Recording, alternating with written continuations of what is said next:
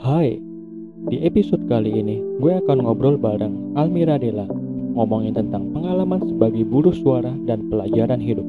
Podcast ini suara kita, dengarkan suaramu.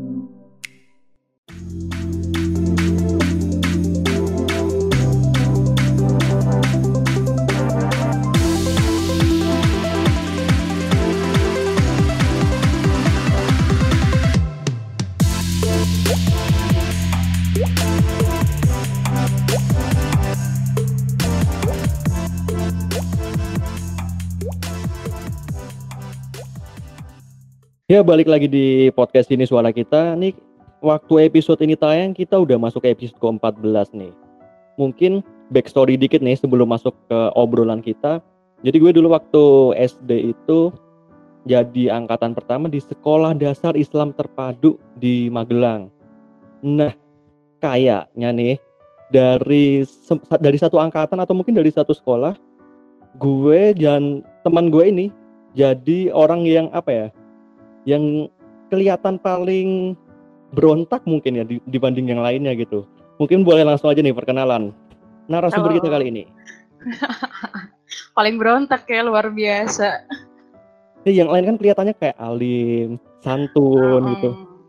Enggak, sebenarnya gini teman-teman, bintang itu terkenal dengan kepintarannya zaman SD. Waduh. Karena kayak Harry Potter, parah. Hmm, karena tampilan ya. Iya. Yeah. Oke, okay, perkenalan ya. Oke, okay, aku manggil teman-teman aja lah ya ini. Oke, okay? nama aku Boleh. Dela dari Magelang juga dan aku masih berstatus mahasiswa Ilkom UNS. Doakan saja semoga segera lulus ya. Amin, amin, amin. Oke. Okay. Udah Sama, gitu aja. Iya, kita kita nggak uh, ngobrol-ngobrol santai aja sih. Aku hmm, juga masih okay. statusnya mahasiswa loh. Aku belum lulus soalnya nih. Gak apa Gak apa-apa. Nah, agak agak gimana cuma agak perih gitu tadi waktu ngomong ya. Hmm, sebenarnya itu kayak ya realitanya aja sih. Iya, kita menerima kenyataan gitu. Angkatan hmm. corona kan ya udahlah nikmatin aja gitu. Nah, akan seba karena... akan menjadi sebuah cerita gitu di anak cucu nah, nanti ya kan. Hmm. Ngeles emang selalu ada alasan. Nah, iya, okay. betul. Uh, ngomong-ngomong boleh tahu gak sih Del uh, arti nama lu tuh apa sih? Lu apa? Subhanallah. Uh, bentar bentar bentar. Ma mencoba mengingat-ingat kalau nggak salah tuh dulu absen kedua namanya uh, Raden Roro Almira Dela Mayasari tapi hmm. RR-nya nggak ditulis. Bener nggak? Iya, yeah, bener. Oke, okay, masih inget dong. ya gimana satu angkatan cuma 10 orang, Pak. Gimana nggak inget nama-namanya ya? Aduh, mohon maaf. Hmm agak miris ya kayak sekolah rasa bimbel dibilang eh. homeschooling juga bukan gitu. Eh nggak apa-apa, aku mau sombong dikit bin. Kita Gimana tuh angkatan tuh? pertama tapi lulusannya pinter-pinter semua loh. Yes. Eh, eh iya. ya? Lah iya kan? Hitungannya masuk SMP favorit kita lumayan banyak loh, ya nggak? Iya juga, mungkin ya. karena sedikit juga sih. Iya.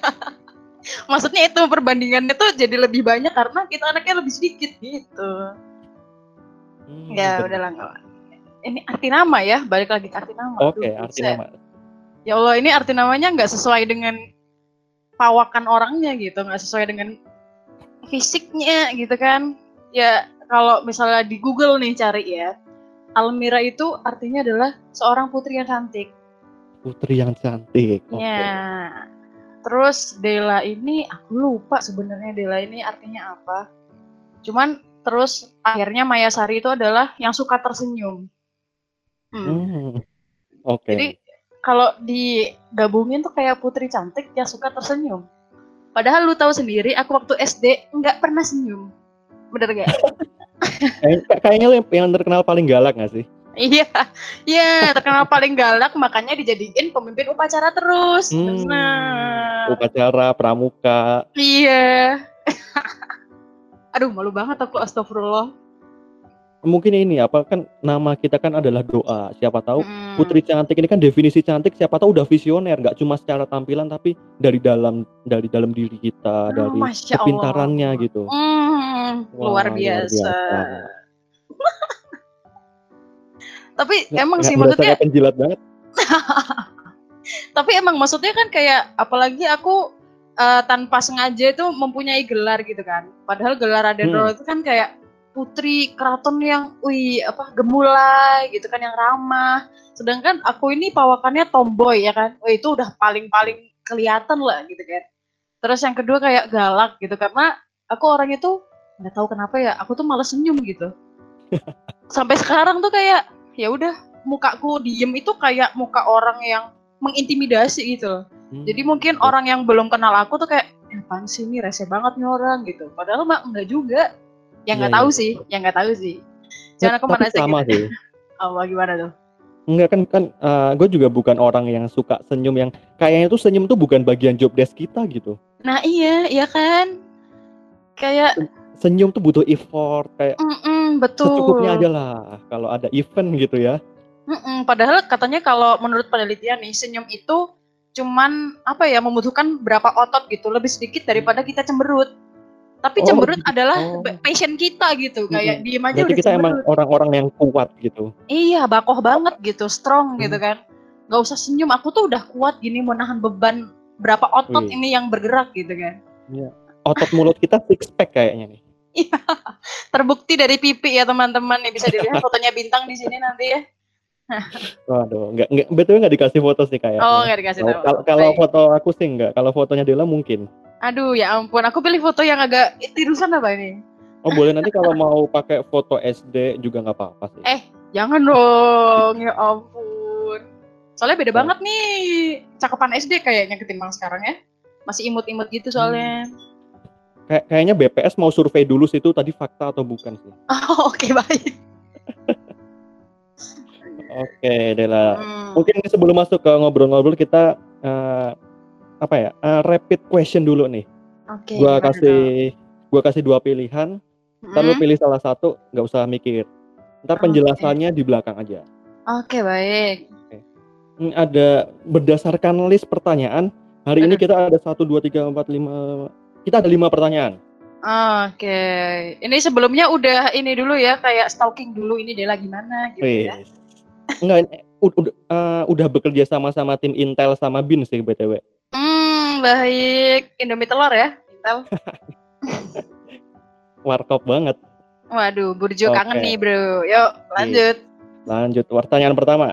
Hmm, Pilih filmmaker atau presenter? presenter. Presenter. Pertanyaan kedua. Pilih One Direction atau Payung Teduh? One Direction lah, parah banget. Aduh, Yang ketiga, pilih Ardito Pramono atau Pamungkas? Ardito. Ardito. Pertanyaan keempat, pilih Converse atau Vans? Converse. Pertanyaan terakhir, pilih PNS atau kantoran? Eh, atau swasta? Swasta. Oke.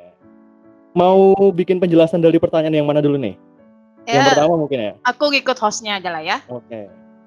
Karena kita terbiasa runtut, kita kan anak yang santun, eh, Hmm, beradab. Kita baik. mulainya dari yang pertama gitu ya. Oke, siap. Filmmaker atau presenter? Kenapa pilih presenter, Del?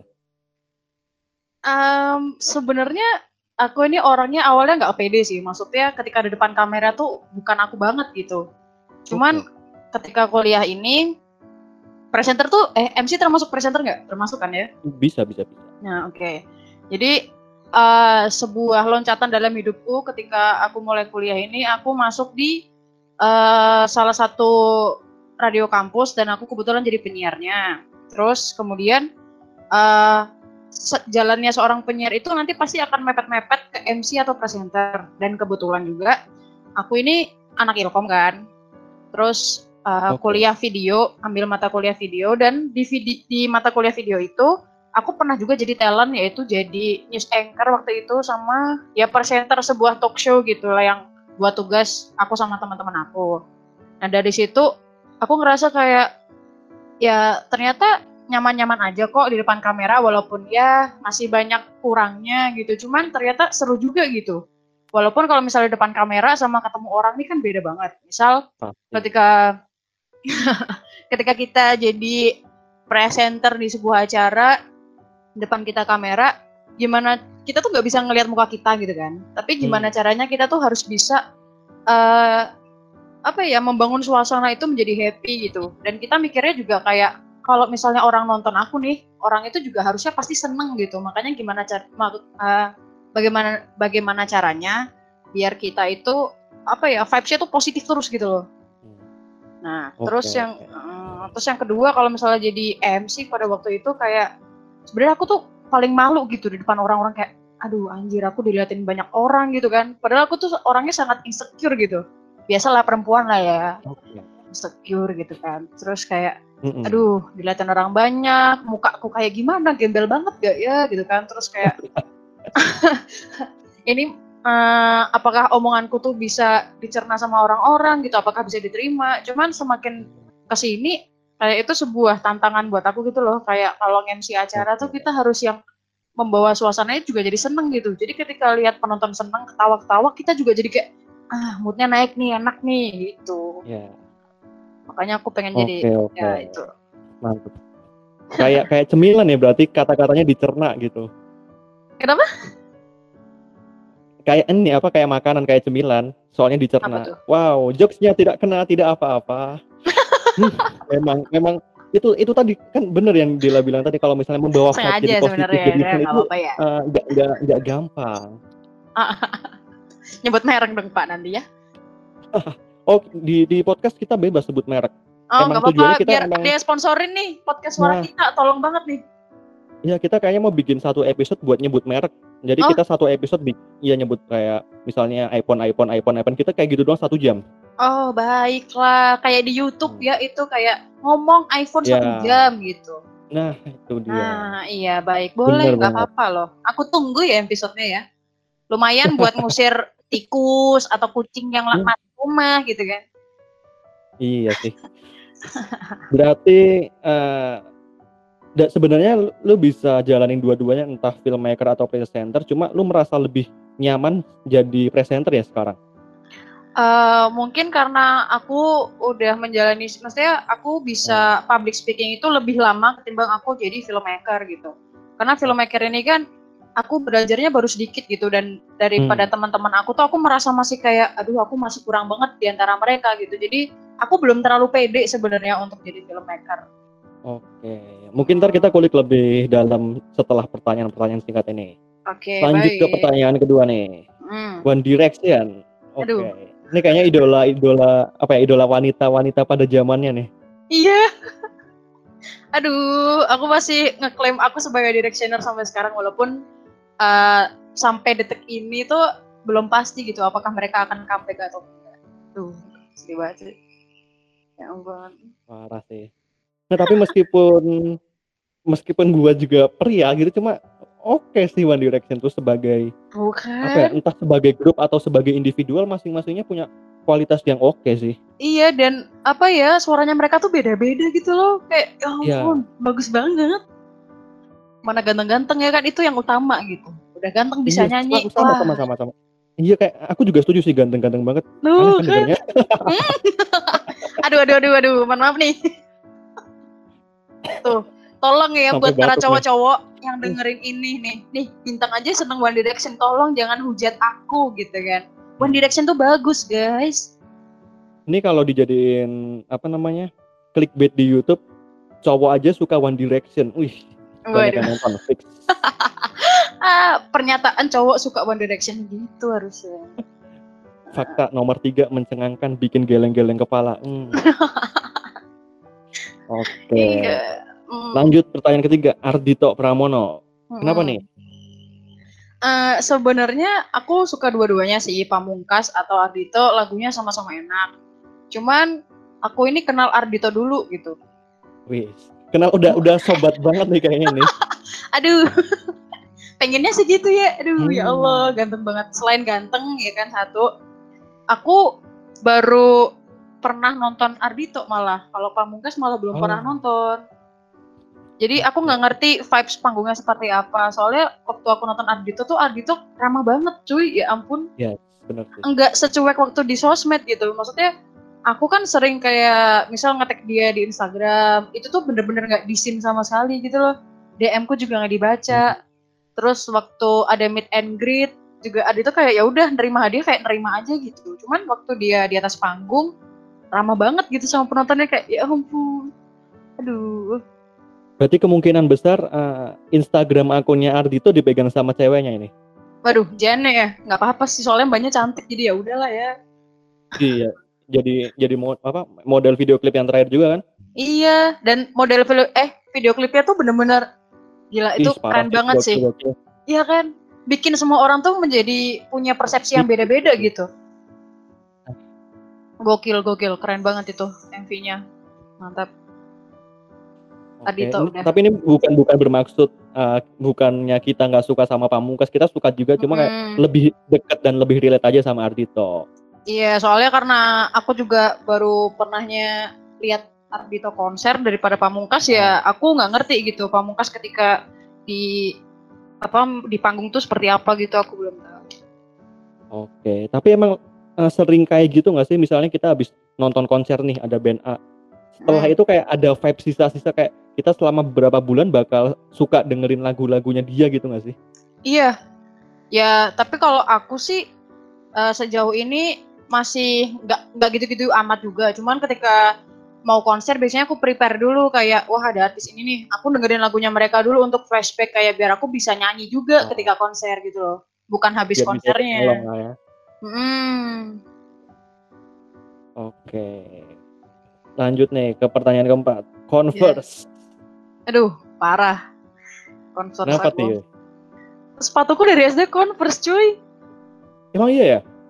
Eh, ya mana ngasih dulu ya kita. Oh iya sih, iya juga ya. Iya, sepatuku tuh dari SD, SMP, SMA, bahkan sampai kuliah aku Converse edik banget gitu. Karena nggak tahu kenapa sih sebenarnya fans itu aku juga suka.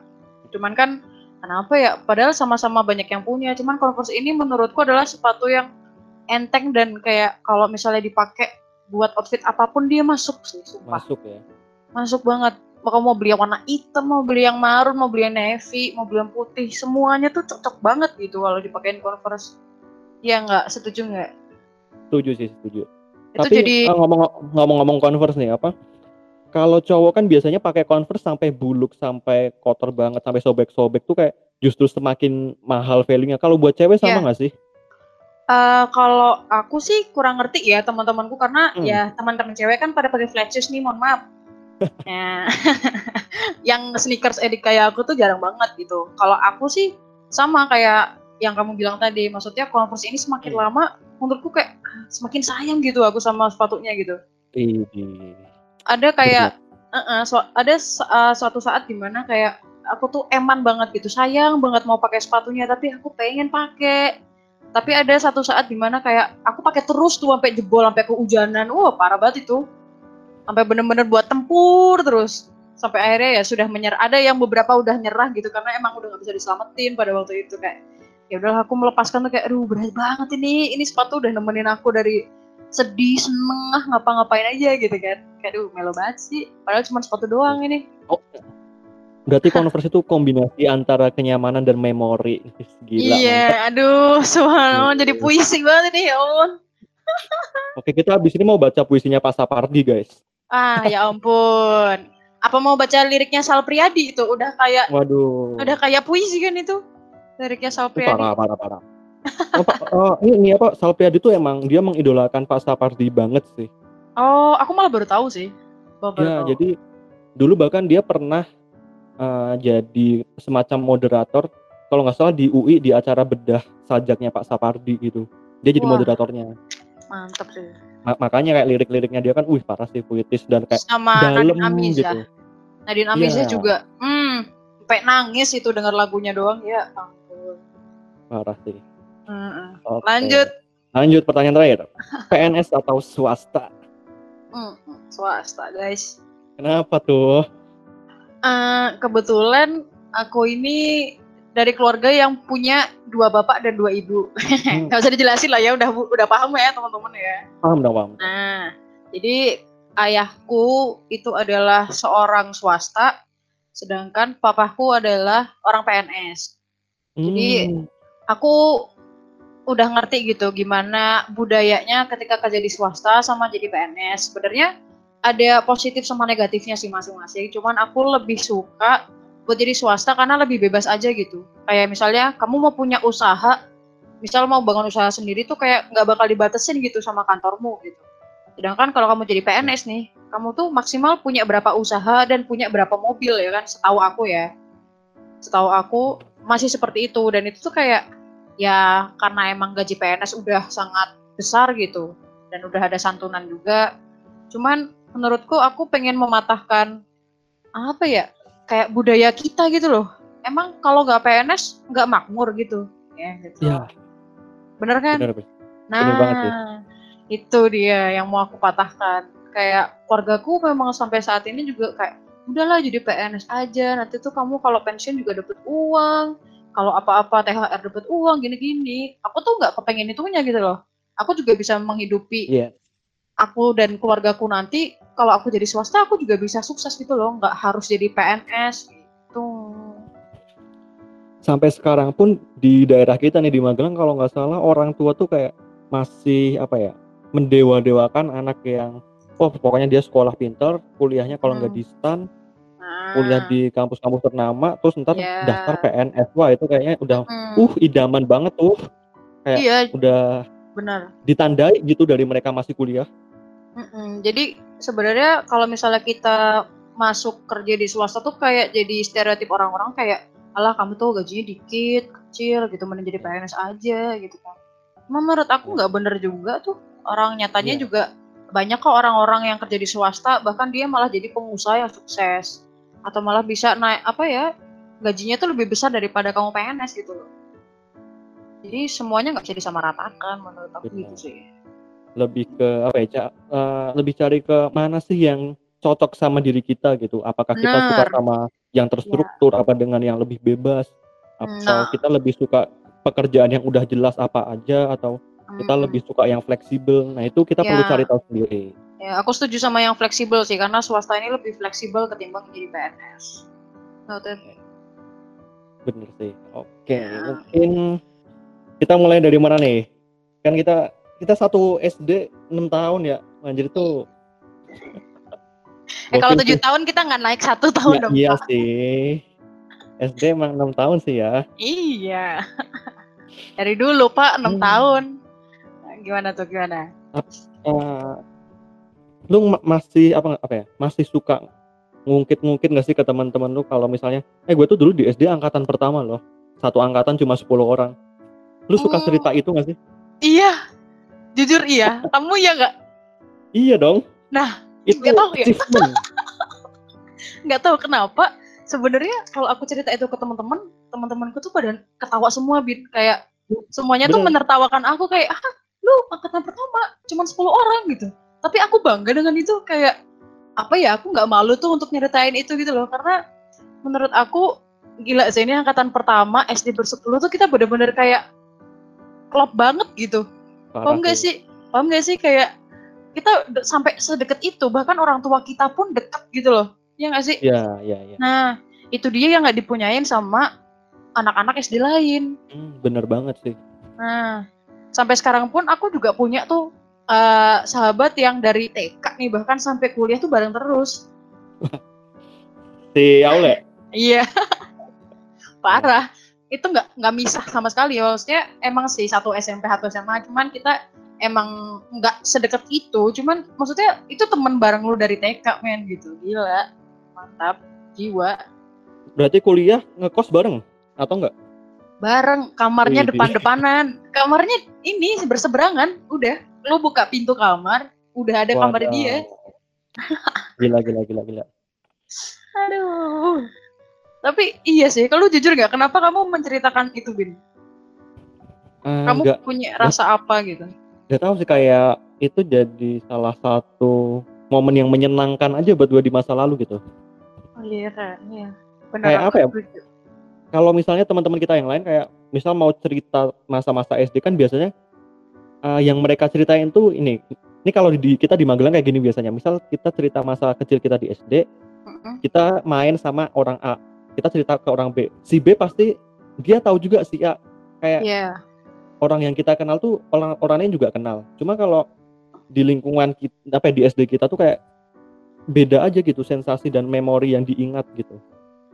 Uh, mungkin karena kita dulu kayak SD Islam kan kita belum terlalu terkenal ya pada saat itu. Iya. Dan SD kita tuh kayak berada di pojok gitu loh, Bin. Paham gak sih? Jadi Iya. kita misal bareng sama anak SD SD lain itu kayak minder dulu sebenarnya. Cuman ketika udah gede gini kita punya memori yang sangat lebih banyak gitu ketimbang mereka gitu. Karena kamu ingat gak? Kita buku tahunan SD aja setebel itu, men. Lu Iya masih sih. nyimpen Kita gak? disuruh bikin masih masih masih. Bikin Kita disuruh puisi. bikin masing-masing karya, Nah, bikin komik, puisi. iya. Mana ada SD lain yang punya lain ada ya? Nah, itu dia. Mana ada SD lain yang punya buku tahunan? Gak ada. Cuman kita doang. Dan Iya sih. dan menurutku memori SD yang paling berkesan itu kita dari kelas 1 sampai kelas 6 kita itu selalu pergi tiap semester. Iya. Selalu diajakin explore sama guru-gurunya. Wah, itu memorable parah banget. Apalagi ketika nah, apalagi guru-guru kita ini bahkan sampai sekarang sangat menyimpan dengan baik foto-foto dan Iya. video ketika kita masih SD. Iya Gila, sih. men. Itu itu Nggak itu tahu kenapa ya. Mm-mm. Itu apakah emang mereka udah prepare atau belum ya untuk menyimpan dokumentasi itu gitu? aku nggak ngerti bin. Cuman itu sangat berkesan banget loh buat kita. Iya sih, Kayak parah. wah ini sebuah sebenarnya sebuah momen yang sebenarnya kita dulu SD kayak nggak penting gitu loh buat foto-foto kayak ngapain sih cuman terkadang kita ketika udah gede gini tuh kayak jadi wah ingat. Oh ya ini ini kita waktu dulu ke museum ini. Oh ini waktu kita ke Dieng. Oh waktu kita ke Jakarta gitu kan kayak ya ampun SD udah ke Jakarta gitu loh. Udah ketemu Ajim gitu ketemu kan. Waktu itu itu kan Iya, kayak keren banget gitu. Iya sih. iya kan? Ingat banget dulu dulu apa, Ah. jabat tangan salim sama Ajim terus eh, seharian tangan nggak dicuci gitu. Kayak berkesan banget. Waduh nggak wudhu dong beb ya Oh iya, jadi jadi ketahuan. Waduh. Waduh, aduh, tolong ini Usanda. Enggak sih, tapi jujur, maksudnya memori kita waktu SD itu benar-benar sangat tersusun rapi gitu loh, Bin. Kayak iya. banyak banget cerita yang bisa kita kasih ke teman-teman kita gitu. Dan teman-teman kita nggak pada bisa kasih kita feedback yang sama. Kayak mereka tuh memori tentang SD tuh kayak dikit banget. Sedangkan kita sangat banyak banget yang bisa diceritain. Kayak, wah aku termasuk orang yang beruntung sih untuk bisa Iya dapat sih, soal memori itu. SD kita tuh nggak cuma nggak cuma ngajarin akademik doang, cuma banyak value-value yang diajarin gitu. Mungkin kayak sesederhana dengan apa ya dengan kebiasaan kita makan siang bareng, cuci Ya, piring, ada Hmm. piket, terus ya. kayak kita tiap siang ganti baju, gitu kayak SD mana gitu yang melakukan itu. Ini sih. Dulu kita diajarin leadership. Aku ingat banget itu. Iya, Itu adalah pelajaran yang di SD lain nggak ada leadership. Ngapain gitu kan? Sebuah etika gitu, sebuah gimana cara kita untuk apa ya mempersiapkan diri untuk ke jenjang berikutnya gitu loh. Ya nggak sih? iya. Mm-mm. Tapi sejujurnya gue udah nggak inget sih kayak materinya dulu apa aja, cuma mungkin kayak ya sedikit banyak berpengaruh sih sama alam bawah sadar kita ya. Iya, benar sih. Secara nggak langsung ternyata itu menjadi sebuah dorongan untuk kita saat ini gitu. Ya contoh aja kayak dulu SD aku kan dikenal sebagai orang yang nggak pernah senyum, terus nggak terlalu ramah gitu sama teman-teman bahkan adik-adik ting adik-adik kelas, adik-adik tingkat, adik-adik kelas gitu.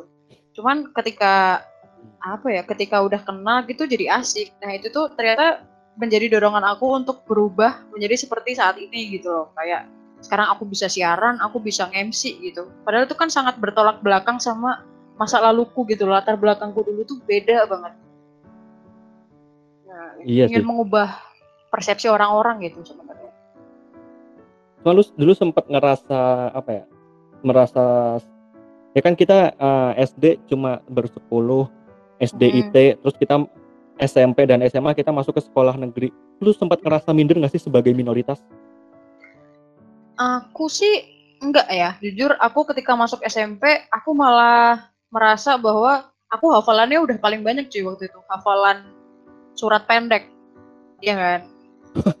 itu jadi sebuah apa ya, sebuah kebanggaan ketika SMP ini ada pelajaran agama, suruh maju ini surat apa nih Hmm. aku langsung bisa straight gitu langsung bisa jawab terus ketika Iya. udah cerita sama teman-teman gitu kamu udah pernah ke Jakarta belum? Kalau enggak kamu dulu study tour SD ke mana? Wah aku punya cerita seru nih gitu kan. Gila. Parah. Iya. Terus mungkin yang bikin aku agak minder itu adalah ketika disuruh pakai baju olahraga masing-masing SD pada saat itu. Karena ingat kan? Karena seragam olahraga SD kita tuh sangat warna-warni Wow. gitu loh. Colorful. Warna-warni bener-bener kayak beda banget lah gitu ya gue gue dulu di dikatain kalau baju olah apa seragam olahraganya kayak piyama tapi bener nggak ya salah bener dan dan dan kalau misalnya apa dan selama SMP kalau nggak dipakai emang suka dipakai tidur juga Eh, masa Emang nggak panas sumpah, ya? beneran. Kalau aku yang bangga Nah, ini sih ah. seragam SD karena kita pakai rompi Apa? cuy. Wih, Beda kan sama SD tiap, lain. tiap hari apa ya itu ya Apa? pakai rompi tiap hari apa sih itu Senin ya Senin sama Kamis. Senin Kamis Kamis. bukannya yang biru itu ya Enggak, biru itu Itu Selasa Jumat. Jumat. Nah, Oke. Selasa Jumat, Bre. Nah, Nah, yang nggak ada itu sih apa Rabu hari Rabu Rabu kita kan hari olahraga tuh. Iya. Kita nggak ada batik. Dan yang kedua, iya sama hari Sabtu, hari ekstrakurikuler yang kadang ada kadang enggak. Nah. iya sih. Sabtu libur sih mana ada ini Sabtu parah. SD libur gitu. Kita doang. Iya. Makanya waktu ma- masuk SMP tuh kayak agak kaget sama beberapa hal kayak loh ternyata nggak boleh ya rambut panjang, harus pakai Ya. sabuk. Mm, Lumayan kaget sih itu. benar. Kayak Oke. mm, Kayak apa tuh? Enggak, maksudnya peraturannya tuh kita kayak jadi kayak agak jomplang gitu. Ketika kita SD kan kita dibebasin gitu.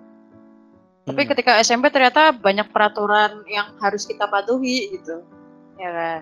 Ya cuman itu aja Jadi- sih mungkin Hmm. bedanya.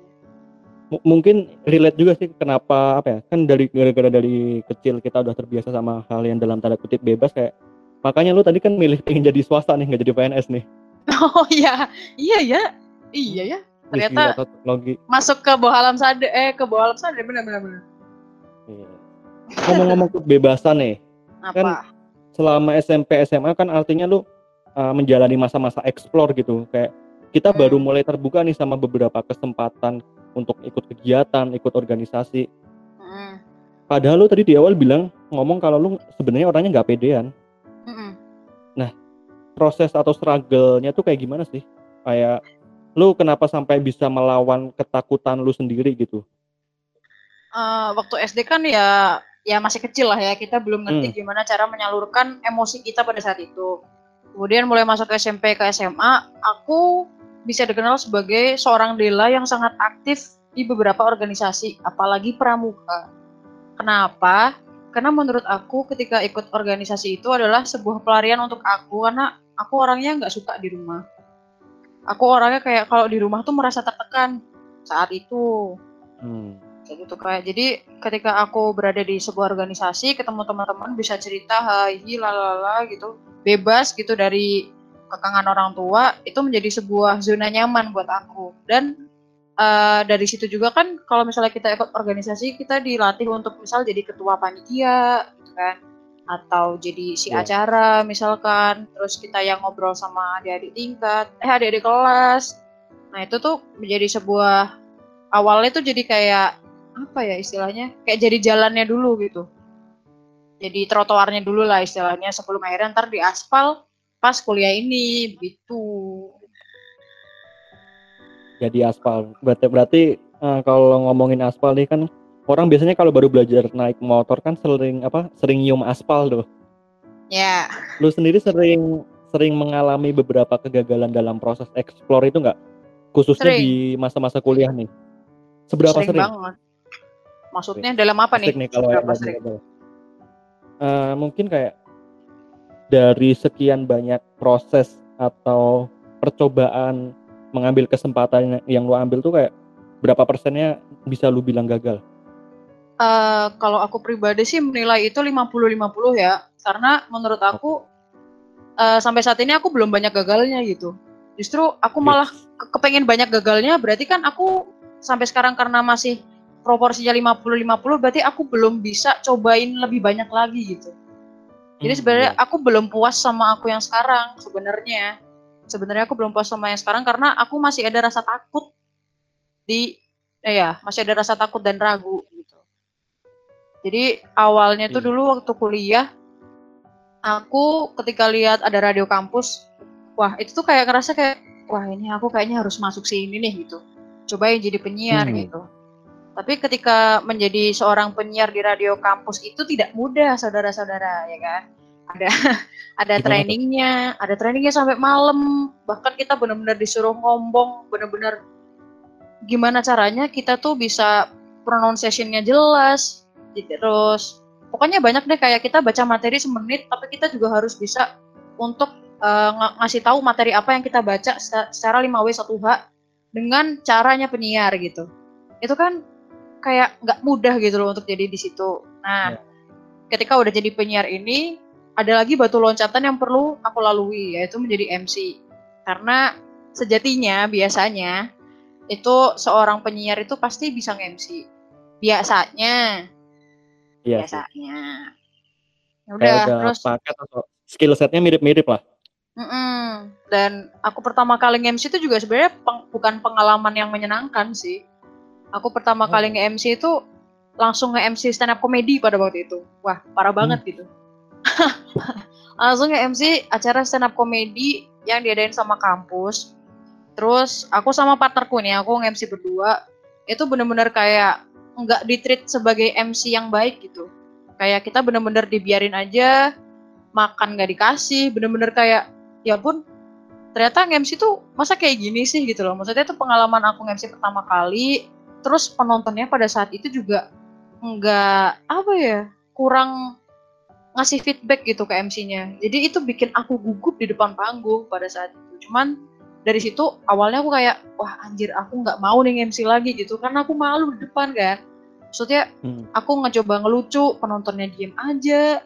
Terus mau ngerosting juga gimana? Orang ini isinya stand up semua, minder dong gue gitu kan. Terus sampai akhirnya pada ngapa pada saat apa ya? Itu aku lupa. Akhirnya aku berani MC lagi dan mulai sekarang kayak ya MC ada yang dibayar ada yang enggak. Cuman kayak kalau buat aku sendiri misalnya ditawarin MC dibayar nggak dibayar pun tetap aku terima sih karena itu adalah sebuah pengalaman buat aku juga gitu karena aku sendiri juga nggak bisa pasang harga karena kayak aku siapa sih emang gitu loh itu sih.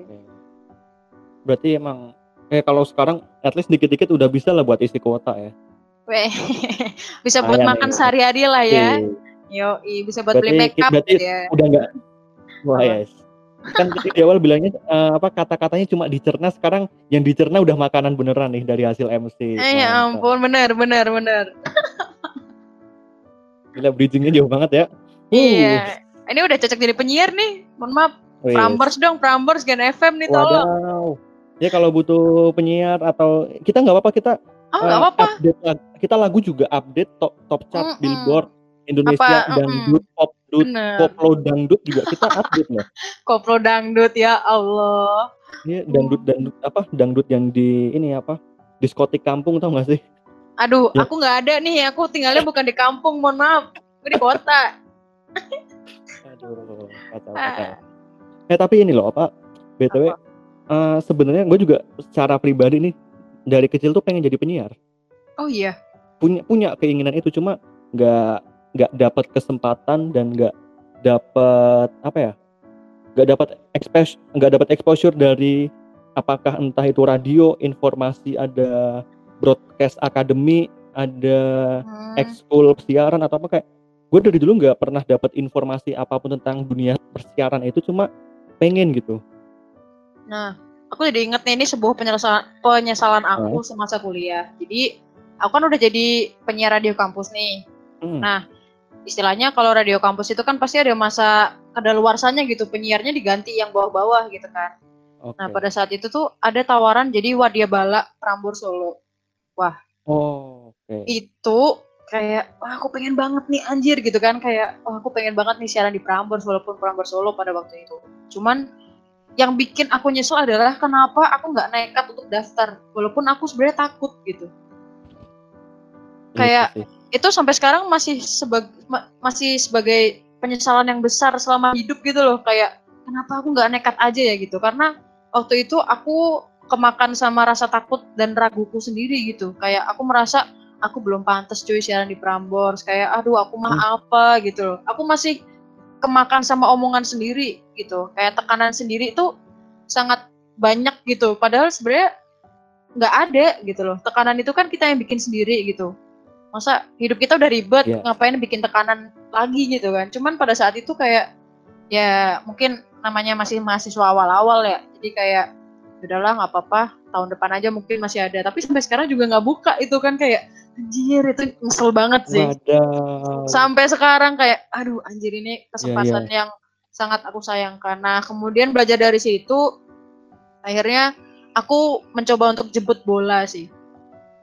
Kayak aku Hmm, harus gebrak diriku sendiri gitu kayak misalnya Bukan jadi, Ah. jadi jadi lu yang aktif nyari kesempatan itu gitu ya. nah bener kayak misal aku sempet eh, moderatorin Ernest itu aku yang jemput bola bin kayak aku nawarin diri iya? gitu kayak nggak nggak ada malu Oh, gitu Oke. jadi awalnya kayak eh, fakultas lain itu bikin sebuah talk show gitu kan kayak seminar gitu. Pembicaranya Ernest, Abel sama Aulion. Waduh, itu tiga-tiganya kan kayak aduh aku suka aku suka banget gitu sama tiga-tiga ini gitu kan. Terus kayak aku coba tanya sama adik tingkatku yang aku kenal dan kebetulan dia panitia. Terus aku tanya, "Eh, ini eventmu udah ada MC-nya belum?" gitu kan. Wah, kalau MC udah ada, Mbak. Kita yang belum ada moderator. Waduh, moderator gitu kan kayak bisa nggak ya? Aku bisa nggak ya gitu kan. Terus akhirnya aku coba aja gitu. Aku coba aja untuk tembusin, aku kirim CV lalala. Ternyata aku diterima jadi moderator. Wah, itu sih. Wah, Seru kebayang tuh berarti jadi moderatornya. seru banget kayak kamu ketemu role modelmu gitu loh kamu ketemu artis yang kamu suka gitu kayak anjir dan itu tuh bahkan ngobrolnya sama kamu doang gitu loh kayak oh my god gitu sampai sekarang iya. bahkan kayak ya berarti dari situ aku harus belajar lagi kayak emang jemput bola ini adalah cara yang paling efektif untuk aku bisa lebih apa ya bisa lebih naik level gitu menurut aku biar bisa lebih baik juga Oke. gitu Ini sebenarnya cara yang sama persis yang dilakukan sama Akbari sih. oh iya Lo eh, tahu Akbari Nur nggak? siapa tuh Pen- Penyiar Prambors. Eh, track, kan Oh. track, track, sorry, sorry. Oh, aku Ah, aku jarang dengerin track sih. Ya, jadi dia salah satu penyiar tracks yang sekarang cukup sering jadi MC juga di pensi-pensi di Jakarta. Jadi Hmm. dulu tuh dia waktu SMA kalau nggak salah, dia mulainya dari SMA. Dia menawarkan Hmm. diri untuk jadi MC ke pensi-pensi semua sekolahan. Ya. Jadi dia keliling tuh ke sekolah-sekolah tanya ke Uh. eventnya, eh udah ada MC belum? Udah ada MC belum? Nah, Dia tawarin semuanya dia. padahal dia belum punya pengalaman, belum punya apa-apa. nah itu Dan dia sebenarnya. Hmm. Cuma itu yang bisa bikin kita jadi punya pengalaman, kita tahu Mm-mm. apa yang harus dievaluasi. Yes. Itu mahal nah, banget sih. Ya, intinya tuh kita harus berani untuk eh apa ya istilahnya menghancurkan tembok yang kita bangun sendiri gitu. Kan Hmm, ya. batasan itu kadang tanpa sadar kita tuh bikin batasan sendiri untuk diri kita sendiri ya kan. Yes. Gimana caranya kita tuh harus ngebrak batasan itu gitu loh.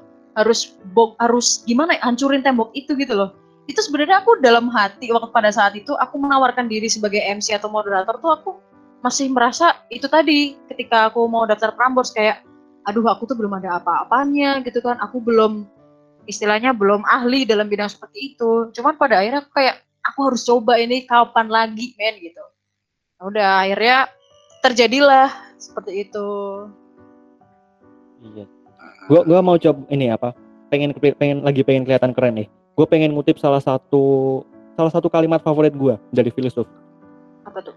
Eh, kadang kita lebih menderita di dalam pikiran kita dibandingkan dengan realita. Benar. Hmm. Benar, aku setuju sih. Aku setuju. Setuju Sarah? Setuju. Karena aku adalah orang yang apa ya istilahnya tuh banyak teman-teman aku yang bilang, Sobat overthinking. "Iya, kamu tuh terlalu banyak mikir, Del. Kamu tuh terlalu banyak pikirin yang enggak-enggak gitu. Kamu tuh bisa, kamu tuh udah bagus, kamu udah oke, pede aja. Nah, masalahnya adalah itu tadi, aku membentengi diri aku sendiri. Nah, tapi mulai sekarang gimana caranya aku bisa mendobrak itu gitu loh dengan cara ya nekat gitu. Kamu nggak apa-apa berkali-kali gagal. Nanti setelah banyak gagalnya tinggal suksesnya doang nih di akhir. Gitu. Wih. Keren. Bener kan? Ini so- soalnya kalau bener bener bener dan kalau menurut gue pribadi ya Hmm. percaya diri itu sebuah skill loh dan skill itu cuma bisa dilatih dengan satu cara itu tadi nekat kalau lu nggak Hmm, perbanyak nekat lu ya lu nggak mungkin bisa pede atau nggak mungkin bisa berani bener. Aku setuju sih karena aku sudah mengalami banyak sekali hal-hal seperti itu gitu. Bahkan eh, kadang dorongan dari orang-orang sekitarku pun nggak mempan pada saat itu. Ya yang bisa bikin Ya. kita nekat itu ya kita sendiri gitu. Kita sendiri Iya, bodoh amat sama omongan orang-orang sebenarnya gitu loh. Kayak kalau misalnya orang-orang udah pada bilangin kamu macam-macam, tapi kamu sendiri nggak mau gerak ya nggak bisa gitu. Tetap harus ada dorongan dari diri sendiri untuk bisa menjadi yang lebih baik gitu. Wah, asik banget. gila gila gila mungkin eh, satu lagi nih satu lagi yang apa namanya Eh tadi ayah skip lagi Hus, kurang cairan sepertinya wadaw Minum dulu, minum dulu, minum, minum. Oke minum dulu ini betul ya ada minuman beneran loh Loh, aku juga nyiapin kok.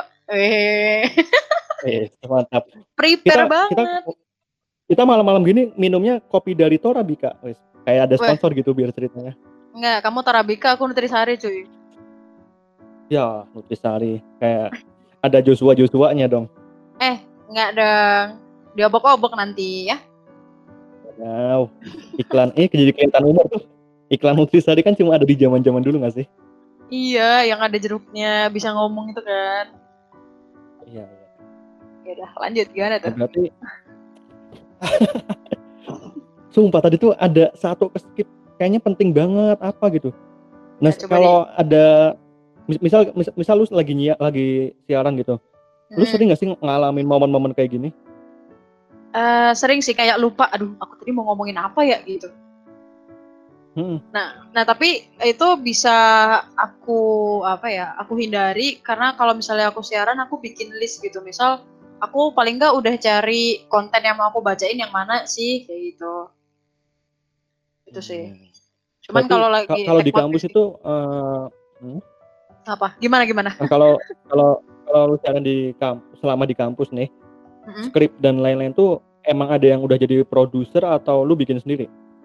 Eh, kebetulan program radio kampusku itu ada banyak banget. Nah, ada beberapa yang diproduserin, ada juga yang harus penyiar sendiri bikin. Nah, dan aku itu seringnya dapet yang aku sendiri harus bikin gitu. Dan aku orangnya bukan orang yang scripted gitu, karena susah banget ya scripted itu, jujur. Sama Walau- setuju, setuju. Kayak iya lebih kan? enak ngalir gak sih sebenarnya tuh? Mm-mm, walaupun udah tertata banget nih dari kata-katanya, weh, bridging, Hmm. punchline, isi gitu kan udah uh, udah cakep banget nih. Tapi ketika kita baca langsung, waduh, ini intonasinya gimana tadi ya? Eh ini gimana tadi ya? Gitu kan? Mm-mm. Hmm. Justru eh, kalau aku justru lebih enak dibikin list gitu loh. Jadi misalnya yang mau aku omongin apa aja gitu. Jadi ketika aku udah kepikiran ya udah langsung aja taruh punchline-nya, taruh apanya gitu. Oke. Berarti ntar gua coba terapin tuh kayak gua nulis poin-poin eh, Ya. mungkin temanya kali ya. Apa aja yang mau Ya. kita omongin gitu. Hmm, biasanya kalau aku sih nulis ya poin-poinnya misal aku mau ngomongin apa aja gitu. Jadi ketika misal kita kepikiran nih, terus kan kita biasanya kalau tag kan ada laptop nih, lu buka notepad di situ. Ketika lu kepikiran apa sambil Oh. ngobrol, oh iya nih, gue ketik, oh iya, aku nanti mau nanyain ini deh. kalau aku gitu sih. Oke, berarti gue sambil belajar dikit-dikit sih sebenarnya. Nggak apa-apa, kita kan sharing-sharing guys. Iya dong. Ntar kita sampai belajar bikin ad clip, terus kita mau belajar prakteknya sama belajar mixingnya juga kan ini. Iya, boleh. Kamu ngekatnya aja ya sabar-sabar aja ya ini kayaknya banyak yang dikat ya tadi ya beberapa Hmm. usah sempurna Sebenarnya sempurna banget gitu. Apa? bener setuju. Iya sebenarnya nggak ada yang Nggak, sangat gua- sempurna gitu. Iya. So, apa ya? Eh, justru kalau menurut gue pribadi sempurna itu ya ketidaksempurnaan itu sendiri gitu. Waduh, berat berat. Gila. Filosofis banget emang. Mm-mm. Padahal belum jam-jam 10 ke atas ya. Bentar lagi sih pak. Biasanya tuh Enggak. biasanya jam-jam 10 ke atas tuh kalau nih kalau di tongkrongan cowok nih biasanya jam 10 Mm-mm. ke atas tuh Oke. obrolan mulai filosofis. Kalau udah jam 12 ke atas tuh mulai tuh cerita-cerita tentang agama, cerita-cerita tentang sejarah. Waduh berat banget ya pak ya. kayak Nah, cuma anehnya besok paginya habis tidur udah lupa lagi apa yang udah diobrolin. Kayak bikin pengajian selama satu jam gitu ya malam-malam ya. Ya ampun. Ini apakah tongkrongan cowok semua begini guys? Coba komen di bawah. Wis. Mantap, mantap, mantap. tiga kali, mantapnya tiga kali nggak boleh dua kali. ya. eh iya, karena Nabi itu sukanya yang ganjil-ganjil kan. Dan kurma kita Iya. makannya juga boleh tiga gitu. Ya udah. Hmm, iya. tiga juga kalau kalau mau 300 juga nggak apa-apa sih kalau kalau bisa. Aduh. Oke, karena Kalau- nggak dapat lucunya kita lanjut nih. Oh, Oke. Emang banyak mencobanya gitu kayak Enggak kita apa-apa. learning by doing. Tadi kan ngomongin tentang kegagalan gitu. Jadi gue sekalian praktek, kalian gagal nggak apa- nggak apa-apa biar jadi Mm-mm, bisa nggak pembelajaran apa-apa. untuk kita semua. Iya betul. Emang harus ada trialnya dulu nih teman-teman ya. Nah, jadi jadi gue nggak cuma bacot doang gitu. Iya. Tapi emang kayaknya lu makin ke sini makin bacot sih, Din. Jujur nih. iya loh, bener loh. Kayak fun fact-nya nih ya teman-teman buat yang dengerin nih. Bintang itu waktu SD, masya Allah susah banget diajak ngobrol. Hmm, parah. Parah banget, parah. Lebih parah dari aku bahkan ya. Sangat pendiam, sangat ya pokoknya kayak anak inilah anak kutu buku banget gitu. Tapi Anjir, makin tapi makin ke sini makin ya ampun ini orang banyak ngomongnya ya ternyata gitu. ya itulah prosesnya tuh beda-beda ya. Proses Yes, orang benar beda-beda. banget. Hmm. Mungkin yang dulunya Dan sebenarnya fun pendiam. fact lain lagi nih. Mm-mm. Fun fact lain lagi, waktu gua lahir kan normalnya kalau bayi itu langsung nangis ya. Iya. Kalau gua tuh dulu katanya nyokap habis di- dilahirin tuh diem. Weh. Bahkan sampai sampai Ditepuk. ber- beberapa waktu dan gue dikira bisu. Hah, sumpah. Ditepok-tepok gitu nggak kayak eh Hmm. anak Katanya kok ditepok-tepok Setelah beberapa waktu kayak baru nangis kayak lagi pada lega oh ternyata nggak bisu. Ternyata cuma Oh. lagi ngeprank gitu. Lahir-lahir udah ah siap. Kirain nyaman gitu, terlalu nyaman di perut ibu Hmm. gitu kan, Oh, kayak iya. keluar-keluar. Eh ini kayaknya aku masih di dalam ini deh, masih dalam rahim deh gitu kan. Kayaknya air ketubannya belum Ada- pecah deh gitu kan. masih nyaman gitu. agak delay gitu ya. kan sensitif gitu pak merasa nyaman Oke. gitu Eh, itu juga nggak boleh Hmm. teman-teman terlalu nyaman tuh jadinya begitu nggak baik Ada. Iya. Nanti kayak kita kayak sepatu converse lagi tuh nyaman lagi tuh. eh tapi suatu converse itu adalah sebuah pengecualian itu nyaman yang benar-benar nyaman. Mau dipakai jalan yang jauh. Bener-bener nyaman. eh aduh. Maksudnya mau dipakai Apalagi jalan yang jauh. mau dipakai ngapain aja tuh enak aja. Sumpah deh. Yang penting jangan pakai yang all black terus upacara atau lagi pramuka gitu. Panas kakinya ya harus tahu sikon sih ya Sama, sama, sama satu lagi, jangan pakai converse yang KW. Sumpah cuy itu kaku kaku banget. oh kayak iya kita kayak berasa pakai sepatu dari kayu. Lecet Sumpah? dah itu. sumpah Sumpah pernah soalnya pernah pernah, pernah nih kayak beli converse cuma 100 ribuan gitu. Allah Dipakai, Akbar dicobain muat dong. Heeh. Murah, seneng dong. Giliran balik besok besoknya dipakai buat jalan. Converse tapi kok sepertinya kakiku terluka. lecet-lecet gitu ya Pak kayak ya Allah ini kayaknya perasaan belum ada yang menyakitiku gitu kenapa ya kan Iya kayak kayak kita belum coba mendekati lebih jauh tapi udah tersakiti gitu. Mm-mm. aduh jadi nyambung ke mana nih Pak ya, Biar- pokoknya lihat sikon nyambung ke ya situ, kita balik. Oke, Hmm. biar nggak nyambung ke yang aneh-aneh, kita balikin ke radio lagi nih, oke ke aduh. siaran radio. Hmm. Kalau menurut lu sendiri, eh, apa ya dunia persiaran, dunia perbacotan di Magelang sendiri tuh kayak gimana? gimana gimana tadi putus-putus sorry sorry Oke, dunia siaran, perbacotan dan radio di Magelang itu kayak gimana sih? Eh, kalau menurut aku di Magelang ini sebenarnya banyak banget macam radio. Ada radio pop, radio pop itu isinya dangdut dangdut cuy, dangdut dangdut, aduh susah banget nih. Itu isinya lagu-lagu dangdut semua itu ada. Lengkap malah. Terus ada juga radio kampus aku lupa namanya apa ya di sini di Magelang aku lupa. Terus ada juga radio yang khusus buat ibu-ibu nih siang-siang ada itu radio buat ibu-ibu. Ada juga radio yang segmennya buat anak muda banget. Jadi kayak menurut aku radio di Magelang ini sebenarnya segmennya udah sendiri-sendiri dan banyak banget macamnya cuman menurut aku karena ya mungkin karena Magelang kota kecil ya jadi hmm. kualitas siarannya dan penyiarnya itu itu aja. Ya kan kayak atau mungkin apa? Uh, eh, gue berasumsi kayak gini sih mungkin kayak radio gitu sebenarnya ini ini gue nggak tahu sih cuma asumsi atau hipotesis aja. Jadi hmm. uh, radio itu kayak bisa terkenal tuh ada efek dari seberapa terkenal penyiarnya juga gitu. Kalau misalnya si penyiar itu sering ngisi event sering jadi MC di beberapa acara tuh kayak oh orang-orang bakal kenal dia sebagai oh dia tuh penyiar dari radio X jadi hmm. semakin dia sering ngisi acara kayak radionya juga ikut semakin ngangkat gitu. Tapi kalau di Magelang tuh karena minim banget event-event kayak gitu, jadinya yes. radio juga kurang terekspos sih. Iya, aku setuju sih. Setuju sama kesimpulanmu itu sih. Karena ya tadi balik ke aku omongin, penyiar di Magelang tuh itu-itu aja. Hmm. Bahkan dulu kan waktu aku masih kecil nih, uh, mamaku kan kebetulan hmm. kerja juga di sebuah radio sampai sekarang itu yang siaran juga itu doang kayak Gila. itu nggak buka ya? nggak ya? buka regenerasi rekrutmen pelatihan atau apa ada sih setahu aku ada cuman nggak tahu ya kok pada akhirnya yang baru-baru ini keluar gitu aku nggak ngerti permasalahannya apa cuman sampai sekarang pun kalau misalnya aku dengerin radio nih yang siaran juga yang pernah aku dengerin pada saat waktu masih kecil gitu. Kayak itu itu oh. aja. Wow. Tuh beneran beneran aku nggak bohong. Jar jarak umurnya berarti tinggi banget tuh. Apanya? Jarak umur antara ya kan kita masa kecil kan udah beberapa apa ya, belasan tahun yang lalu lah. Mm. berarti iya. kayak penyiar penyiar mudanya kurang ya kurang banget. Tapi menurut aku emang ada sih kayak radio kampus atau radio buat ya. anak muda tuh ada. Cuman kenapa ya? Sekarang tuh kalau misalnya aku di mobil dengerin radio mereka itu tuh apa ya menurut aku mereka tuh terlalu banyak open mic ketika ngasih materi. Materi tuh malahan kan.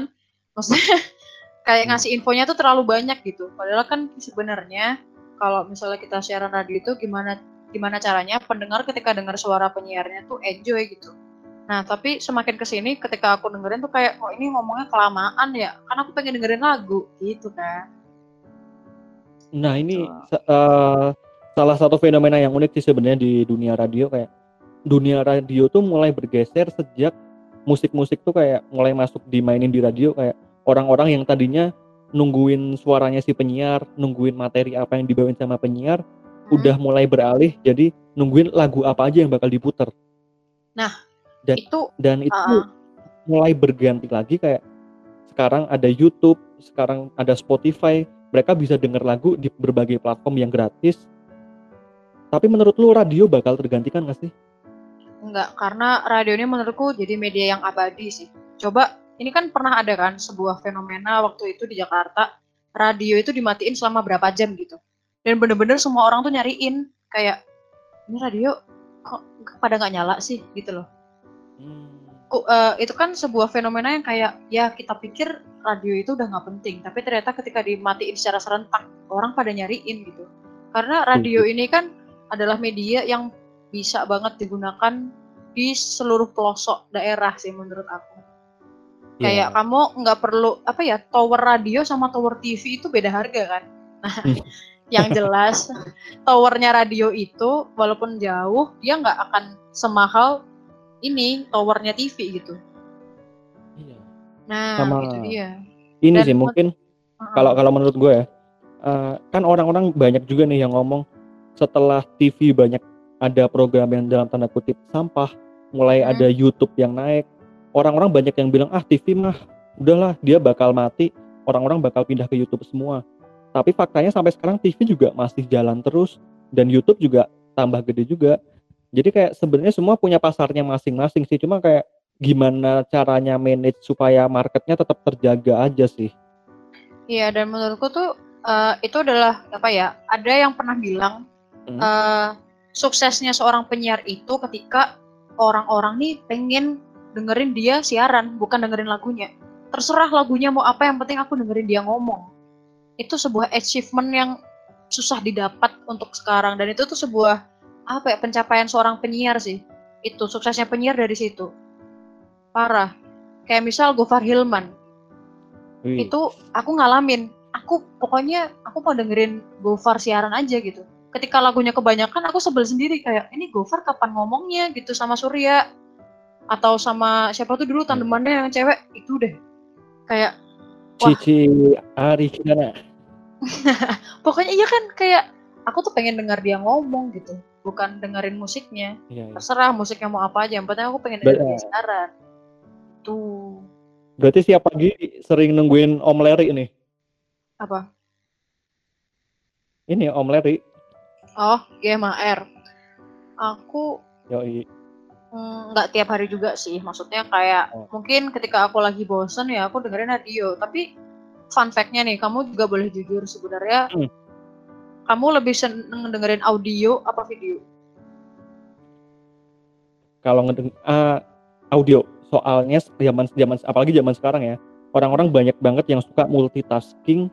Terus kalau kita nonton video kayak apa ya kesannya kalau misalnya kita tinggal kayak kita ketinggalan sesuatu gitu sedangkan yeah. kalau audio kita sambil-sambil kayak kita nggak merasa kehilangan apa pun meskipun hmm. kita juga jadinya nggak nangkap secara 100% gitu iya, gue lebih suka audio aku juga lebih suka audio karena yang pertama misal kita dengerin podcast atau dengerin orang siaran itu gimana hmm. caranya misal kita penyiar nih gimana caranya kita bisa ngasih theater of mind ke pendengar nah kita juga sebagai pendengar juga harus dengerin kayak kita bisa apa ya kayak ngebayangin gitu apa yang dikatakan sama si hostnya atau sama penyiarnya gitu kita benar-benar bisa jadi bayangin dengan imajinasi kita sendiri gitu nggak terbatas benar iya, nggak iya, iya.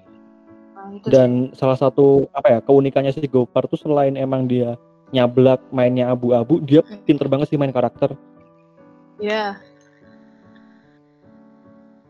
dia udah dari dari 2013 awal tuh waktu sama si Bentar, bentar. Siapa tuh pasangannya? Sorry, sorry.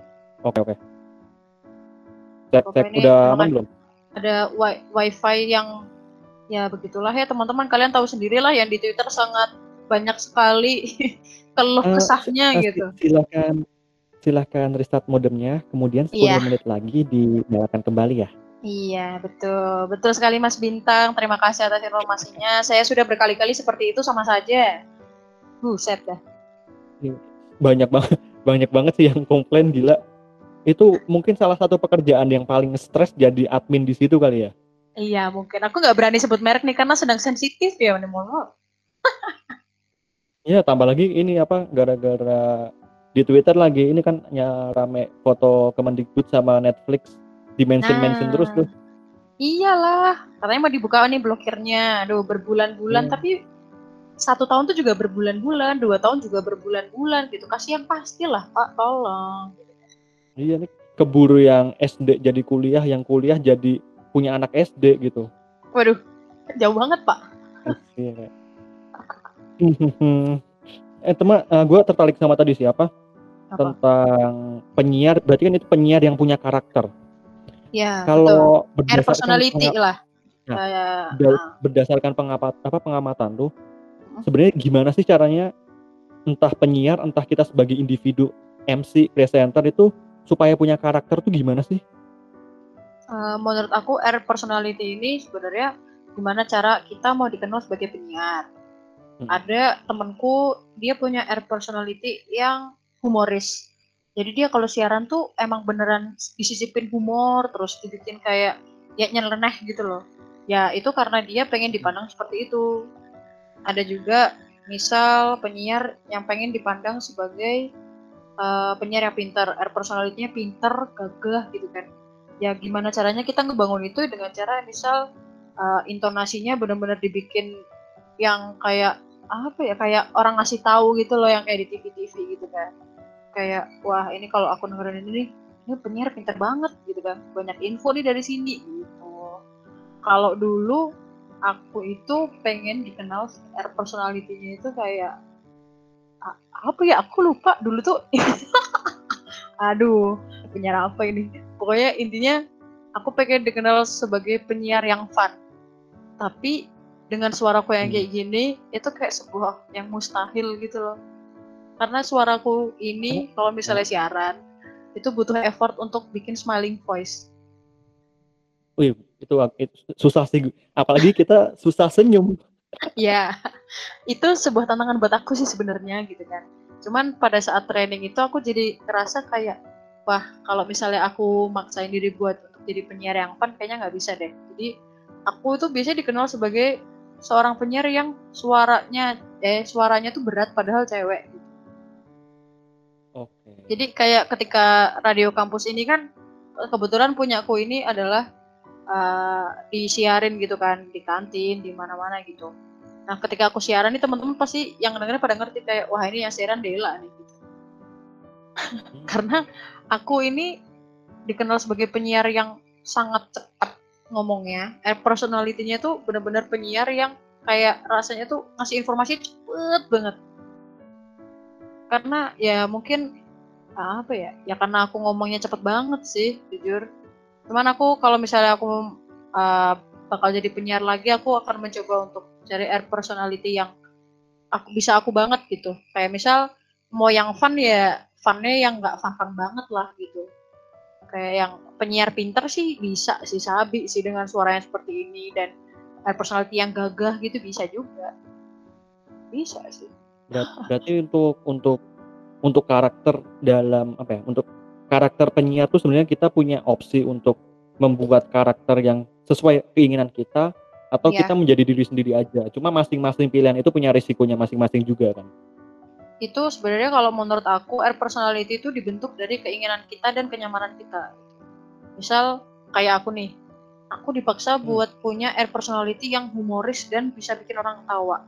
Itu nggak bisa dipaksain karena aku orangnya nggak kayak gitu gitu loh. Susah sih humor tuh apa ya? Sense of humor tuh susah sih. Nah iya kan. Apalagi kalau misal uh, ada uh, cowok nih dia pengen punya air personality yang kelihatan gagah tapi ternyata suara dia cempreng. Susah. Gitu loh. Jadi kayak air hmm. personality ini dibentuk ya menurut kita sendiri gitu. Kita emang bisa nggak sih ngebentuk karakter seperti itu gitu loh? Dan kita kira-kira sanggup gak untuk melabeli kita itu penyiar dengan air personality yang seperti itu.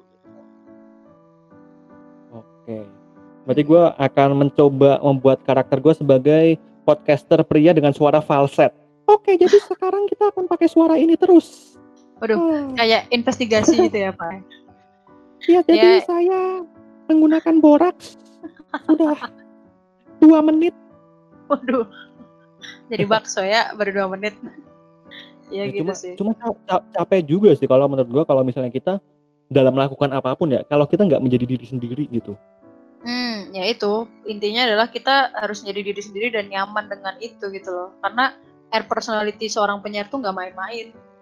Cuma terkadang air personality ini bisa juga kebentuk tanpa kita sadari. Misal kayak pendengar tuh melabeli kita kayak, wah ini nih kalau misalnya aku dengerin siaran ini, aku jadi apa ya? Jadi merasa terhibur misal. Padahal kita juga nggak humoris amat gitu tapi kita bisa menyenangkan orang lain ya berarti kita fun banget nih air personality-nya itu atau misal yang itu tadi kayak hmm. suara kita emang udah berat banget nih kita nggak ngerasa gagah dengan itu tapi orang yang dengerin kayak oh, ini orang nggak mesti gagah banget nih padahal cewek gitu kan yang mana tahu kan orang pendengar nggak lihat secara iya. fisik gitu ini dari pendengar waktu dengar suara lo kayak berasa dikasih tas 50 kilo gitu. Waduh berat banget. Hmm, tidak lucu lagi sepertinya. Tidak apa-apa. Hmm, oh. Sebenarnya kalau misalnya ngangkat 50 kilo itu kayak jadinya ini ya ada suara-suara yang hmm, apa ya? Ya kamu tahu lah ada suara-suara yang tidak sengaja kita keluarkan gitu ketika kamu mengangkat beban berat gitu. Wow, dibahas lebih lanjut ternyata pemirsa. Luar biasa. Terima kasih loh atas apresiasinya. Oh iya, sama-sama. Apresiasi secara hmm. pinter dikit lah nggak apa-apa. Oke. Berarti lu kira-kira uh, untuk beberapa waktu ke depan ingin melanjutkan apa ya? Mungkin karir sebagai MC dan penyiar ini sebagai hmm. pekerjaan utama atau sampingan? Sampingan sih jelas. Soalnya kalau utama aku belum sekaya Gofar Hilman atau Indi Barens gitu. Iya sih. Mereka kan kayak itu nggak nggak jadi kerjaan utama aja bayarannya sejam udah berapa juta. Gimana kalau jadi kerjaan utama oh. gitu kan? jadi apa ya kita juga nggak bisa bergantung pada satu pekerjaan aja gitu sebenarnya nggak bisa bohong gitu hmm. kamu pun kalau misal udah jadi PNS atau pegawai kantor ya kamu juga nggak bisa untuk stuck di situ pasti kamu pengen kayak jualan online kah atau ngapain jadi reseller jadi dropshipper jadi apa pokoknya tetap ada rasa pengen kerja double gitu. Nggak bisa depends on satu kerjaan doang. Kalau menurut gue tuh tiap orang tuh antara uh, biasanya tergerak karena dua hal. Antara dia ingin mendapatkan sesuatu atau ingin terhindar dari sesuatu. Jadi misalnya uh, misalnya ketika dia kerja nih misal lu misalkan lu tadi bilang jadi kerja di swasta. Lu pengen punya penghasilan lebih nih jadi oke okay, gue nggak hmm. masalah sikat nih beberapa pekerjaan cuma hmm. mungkin ada juga orang-orang di sana tuh yang aduh gue nggak pengen lah capek-capek gue kerja satu aja udah cukup buat makan tidur makan tidur aja nggak masalah jadi kayak balik lagi kita perlu tahu dulu nih kita sebenarnya pengennya apa sih selama hidup nih Iya yang kita kejar tuh apa gitu kan yes. ya Kalau ada lu sendiri apa Hah? lanjut lanjut lanjut dulu lanjut dulu Huh, enggak, aku udah, udah tadi aku mau ngomong apa udah lupa nih. Nggak, Oke, maksudnya mungkin, uh, kita sekarang hmm? nggak hmm? bisa bohong kalau di umur-umur segini itu kita udah money oriented. Oke. Okay. Iya kan? Ya udah, maksudnya kita nggak bisa bohong gitu untuk di umur segini kita uh, udah money oriented alias kita gimana caranya kita harus melanjutkan hidup ya melanjutkan hidup dengan adanya uang gitu. Kalau nggak ada uang kita nggak bisa hidup. Bener kan? Oke. Okay. Ya, Bener jadi, sih. Iya. Jadi pasti orientasinya Mungkin, tuh bertahap. Iya sih. Dan kesadaran privilege prioritas ya. orang-orang tuh beda-beda. Mm Apalagi privilege itu tadi ya, itu sangat mm, Parah. ngaruh banget itu. Masuk ke list kata-kata yang udah mulai overuse tuh kayak passion, privilege, yeah. terus kata-kata yang udah males. Pokoknya kalau kata-kata yang udah sering dipakai di Twitter tuh hmm. sampai di mute words ya? Parah parah parah. Terus gue di Twitter gue sampai mute eh, kata-kata kayak corona covid iya. psbb sama. Aku juga kok. Ya. Aduh parah sih soalnya gini apa, mungkin salah, salah satu yang jadi masalah buat kita kita ya jadi dari zaman dulu tuh kita terbiasa untuk mencari hiburan itu di dunia digital, entah di konten di YouTube, di sosial media atau di apa. Tapi belakangan ini kayak misal kita buka di sosial media, kita scroll up, kok yang niatnya kita cari hal-hal yang bisa menghibur justru isinya negatif semua. Jadi hmm. kayak dari sehari-hari kita udah negatif, cari hiburan dapat negatif lagi, double-double tuh kuadrat kayak matematika. Ribet dah hmm. hidup. Tapi sebenarnya privilege ini benar-benar ngaruh sih di kehidupan kita. Kayak kamu kalau udah punya ya, privilege ya, ya lu pasti akan jadi orang yang sukses orang nomor satu gitu menurutnya menurut ini sih menurut aku begitu. Karena kalau punya privilege tuh jalanmu udah mulus banget sih pasti. Parah. Kayak mau bangun usaha uh, cuma oh. Apa? Hmm. Gue jadi ingat apa yang tadi skip di awal tadi sih apa tuh? Ini gue tadi kepikiran untuk ngomong ini apa? Ya kan tiap orang punya masalah, punya kegagalan, punya titik apa ya? Punya titik startnya masing-masing. Intinya tiap orang tuh beda-beda. Nah cuma kita tuh nggak bisa membanding-bandingkan kegagalan kita dengan kegagalan orang lain, kesedihan kita dengan oh, kesedihan orang lain, privilege privilege kita sama privilege orang lain. Halo halo. Uh, so, sorry putus-putus biasa. Oke oke. Udah udah normal belum? Udah udah udah. Ini siapa? Uh, yang gue rada skip tadi di awal itu gue mau bilang kalau misalnya kegagalan, kesedihan, privilege itu bukan untuk dibanding-bandingkan satu sama lain kayak kan Hmm. kita sekarang sering tuh misalnya orang upload di Twitter di manifest atau collect fest atau apalah fest-festan itu Heeh. kayak misalnya aduh eh, let's say aku kerja cuma dikasih gaji segini Hmm. nggak cukup untuk ini, ini ini. yang di komen itu tuh biasanya harusnya kamu tuh bersyukur kamu punya gini gini gini Hmm. di bawahnya ada lagi aku lebih parah aku gini gini gini di bawahnya ada yang sombong kayak sebenarnya kayak gitu tuh bukan untuk dibanding bandingkan kayak Iya. tiap orang punya kapasitasnya masing-masing gitu Mm. Tapi sebenarnya menurut aku kalau misalnya ya pasti ada lah orang yang seperti itu yang kadang ngelihat atas Ya. terus kadang ngelihat bawah terus sampai lupa untuk bersyukur gitu kan. Cuman untuk Iya. cara kita untuk menghindari hal seperti itu adalah ya gimana caranya kita ya kayak tadi misal bikin mute words gitu kan. Kita mute orang-orang juga yang misalnya menurut kita itu sangat toxic. Itu sebenarnya nggak apa-apa. Kayak misal Instagram sekarang juga ada fitur restrict kan itu tanpa kita unfollow tapi kita nggak ngerti gitu orang yang ngepost apa orang yang ngapain kita benar-benar nggak ngerti gitu. Sebenarnya itu bukan masalah sih buat aku malah justru itu adalah sebuah cara untuk kita menghindari rasa insecure dan kurang bersyukur. Itu kalau gua pribadi justru menurut gua pribadi ya ini opini ya. Hmm. kalau gua nge-mute nge-restrict orang lain atau teman gua justru gua merasa berdosa karena gua nggak jujur sama dia. Kalau gua pribadi gua langsung un- bener-bener unfollow sih. Waduh. Dan kalau misalnya dia nanya Ya, kenapa unfollow? justru bagus. Kayak gue bisa Ah, bilang kok misalnya tujuan gue main sosmed tuh buat ini. Ketika gue ngeliat konten lu kok kayaknya itu nggak cocok sama keinginan gue. Jadinya ya mohon maaf di dunia digital gue unfollow tapi di Hmm. real life ya kita temenan biasa aja nggak masalah. Itu ah, sebenarnya salah satu cara gue ngefilter apa ya teman-teman gue juga sih tapi nggak nggak masalah juga kalau misalnya banyak salah satu karakter orang Indonesia kan suka nggak enakan tuh ah, ah, ya itu adalah karakterku juga sebenarnya makanya Hmm, sebenarnya kadang rasa nggak enakan itu nggak baik sih. Ini buat teman-teman ya yang ngerasa, apalagi biasanya orang Jawa nih. Orang Jawa itu biasanya orang yang sangat nggak enakan sama orang lain. Misal dikasih apa bilangnya "Eh, nggak usah, padahal di hati kayak, udah aku sebenarnya pengen gitu kan. Ada juga yang nggak enakan kayak udah nggak apa-apa, aku aja yang kerjain dia nggak usah. Padahal sendirinya hard feeling gitu.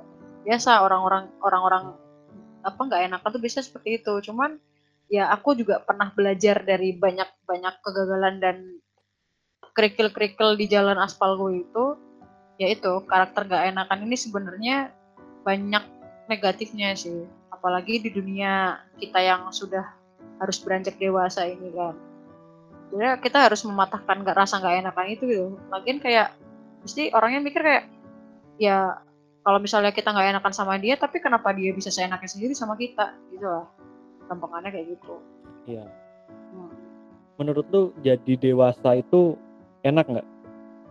Enggak capek. Wih, parah. Iya kan?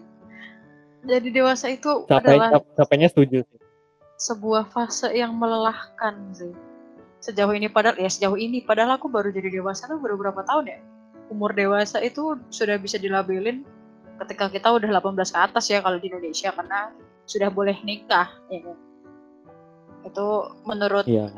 peraturan yang ada di Indonesia adalah orang dewasa itu udah 18 ke atas karena udah bisa nikah. Tapi menurut aku ya sekarang aku aja udah umur 22 nih kayaknya aku juga belum cukup dewasa untuk berbagai hal juga gitu loh. Kayak misal kita menyelesaikan masalah sama temen kayak sama pacar kayak sama sama siapa pun itu kayak kita juga perlu belajar lagi gitu loh. Karena menjadi dewasa itu rumit, susah gitu. Yes. Setuju banget. Jadi dewasa itu susah dan pilihan, tapi jadi tua itu mutlak. Iya, benar. Benar sekali. Kayak apa ya kalau bisa flashback tuh kayak aku pengen deh menikmati masa-masa remajaku, masa-masa ketika aku masih kecil gitu. Ketika lagi dewasa gini tuh kadang sering capek gitu. Ya wajar sih sebenarnya. Cuman kalau rasanya capek terus ya nggak wajar berarti itu. Cuman ada kalanya kita harus harus istirahat, harus berhenti kayak ya memang kalau capek harusnya istirahat gitu. Tapi istirahatnya kan nggak mungkin dong kayak misal kita tidur 24 jam gitu kan nggak mungkin. Kita harus istirahat yang ya benar-benar self healing lah istilahnya gitu. Kalau cara lu sendiri untuk mengimbangi itu tadi gimana? Tentang apa ya? Mengimbangi stres, kerjaan, tekanan, masalah, refreshing yang sering lu lakuin apa aja? Aku biasanya menyenangkan diriku sendiri sih. Ya tergantung masalahnya apa. Misal kalau masalahnya itu terlalu berat buat aku ya kadang aku tinggal tidur. Kalau enggak aku nangis dulu. Nah, ini biasanya pengertian yang atau stereotip orang-orang yang kayak kamu kalau nangis tuh cengeng gitu. Padahal enggak. Sebenarnya ketika kita sedih itu harusnya uh -uh, harusnya kita kalau misalnya sedih ya memang kamu harus nangis gitu. Kamu harus merasakan kesedihan itu, jangan kayak kamu munafik sama diri sendiri. Kayak misal aku lagi sedih nih. Terus aku nggak nggak apa ya kayak aku merasa nggak apa-apa kok nggak apa-apa masalahnya bisa diatasin gitu. Padahal di dalam hati kayak aduh anjir berat banget ini. Nah memang sebenarnya emosi itu kan harus dirasakan. Nah ketika kamu sedih ya yes. emosi yang bisa dirasakan adalah harus nangis gitu. Justru kalau lu sedih dan nggak nangis itu aneh. Gitu loh. Bener banget. Akan ada dan, hmm, hmm? ya, maksudnya ada prosesnya ketika kamu sudah sedih udah nangis yang benar-benar sampai puncak barulah kamu bangkit lagi gitu. Jadi kayak sedihnya udah hilang nggak nggak ber, apa ya nggak berpanjangan lah. Ya soalnya uh, kalau menurut gue tuh kita lahir sebagai manusia tuh nggak ada apa ya manual book yang bisa ngejelasin fitur dari tubuh kita tuh masing-masingnya apa aja secara detail sedangkan yeah. kalau misalnya kita beli HP kayak misal HP kita ngelek nih oh kita bisa restart sebenarnya hmm. tuh kayak misal kita lagi ngerasa nggak enak salah satu cara rilis yang paling alam itu ya dengan nangis bahkan gue sendiri juga, juga sering nangis bukan sering juga kayak gue bukan yang bukan yang menolak nangis nangis itu tengeng atau gimana cuma gue hmm. sangat menikmati ketika gue menangis gitu kayak ya. ah bisa, bisa leganya tuh dapet gitu ya bahkan mungkin ada orang yang dia itu sedih karena nggak bisa nangis tapi dia pengen nangis gitu sampai seenggak bisa itunya yeah. nangis gitu nah makanya ketika kita punya kesempatan kita sedih dan bisa nangis ya udah nangis aja gitu jangan munafik sama diri sendiri kayak udah kamu tuh nggak apa-apa masalahnya pasti selesai. Tapi itu malah jadi beban sendiri buat kita gitu loh. Kamu kalau misalnya memang sedih ya nangis aja nggak apa-apa gitu. Itu dia masalahnya kayak orang-orang tuh masih merasa bahwa nangis itu kayak bukan menyelesaikan masalah. Padahal sebenarnya akar dari masalah itu ya harus nangis dulu biar kita tenang ya kan? Habis nangis tenang baru bisa mikir berarti lu selama kuliah cukup banyak air mata yang dikeluarkan tuh iya tapi aku ini adalah orang yang tidak memperlihatkan kesedihan di depan teman-teman atau orang-orang aku adalah hmm. orang yang jelek sih sebenarnya ini adalah aku orang yang sangat iya. mendem yeah. gitu kayak apa-apa dipendam sendiri yeah. gitu karena aku ngerasa orang lain nggak perlu tahu aku sedihnya kenapa orang lain nggak perlu tahu aku sakitnya kenapa gitu orang taunya aku ya aku baik-baik aja gitu dan biasanya orang dengan tipikal apa dengan mekanisme kalau mereka punya masalah atau stres ini kalau di dunia psikologi kayak bahasanya jurus tekan pendam jadi emosi kita kita tekan kita pendam ke lingkungan sekitar kita pakai topeng kita senyum hahi padahal di dalamnya huhu gitu Cuma ya itu sebenarnya itu salah satu cara atau jurus yang kurang tepat sih. Soalnya ada beberapa jurus nih sebenarnya. Salah satunya itu tekan pendam. Terus ada juga orang yang melampiaskan. Kayak ada orang yang misalnya dia emosi dikit mm-hmm. di objek sekitarnya tuh oh, bisa kena semprot, gak peduli dia salah atau enggak, gak peduli ada barang atau apa dibanting, yang penting dia bisa melampiaskan saat itu juga.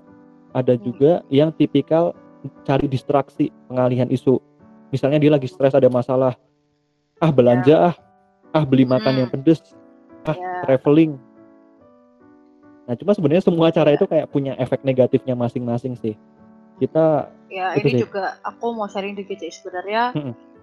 orang tuh bilang emosi itu adalah marah padahal emosi ini adalah eh marah itu adalah bagian dari emosi gitu emosi hmm. itu punya banyak sekali jenis kayak misal ada seneng, ada sedih, ada marah, ada haru, ada macam-macam. Nah biasanya tapi orang-orang mengenal emosi ini sebagai marah gitu, padahal nggak gitu.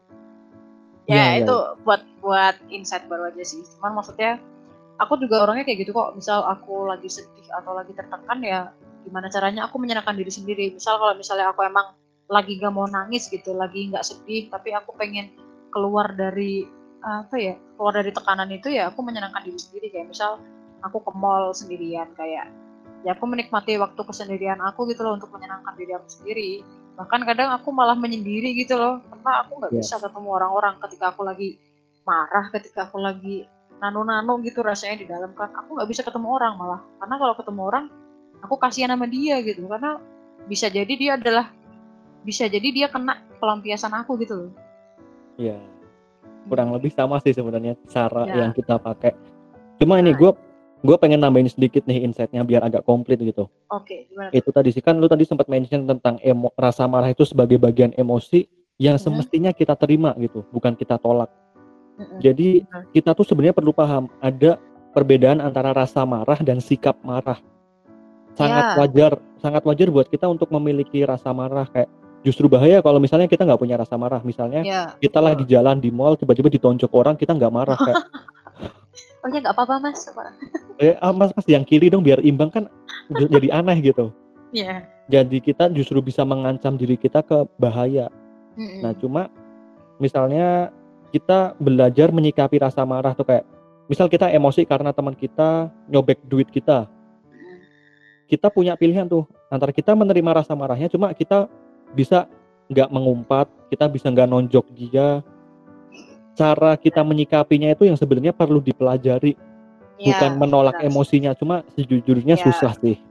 tapi itu tergantung prosesnya juga sih dan Ya. tergantung situasi dan kondisi lingkungan sekitar kita biasanya Oke. kan karakter itu kan terbentuk dari yang terdekat keluarga kan? Hmm. terus keluarga baru teman-teman sebaya aduh udah kayak pelajaran sosiologi ini ya Habis- Teman sebaya.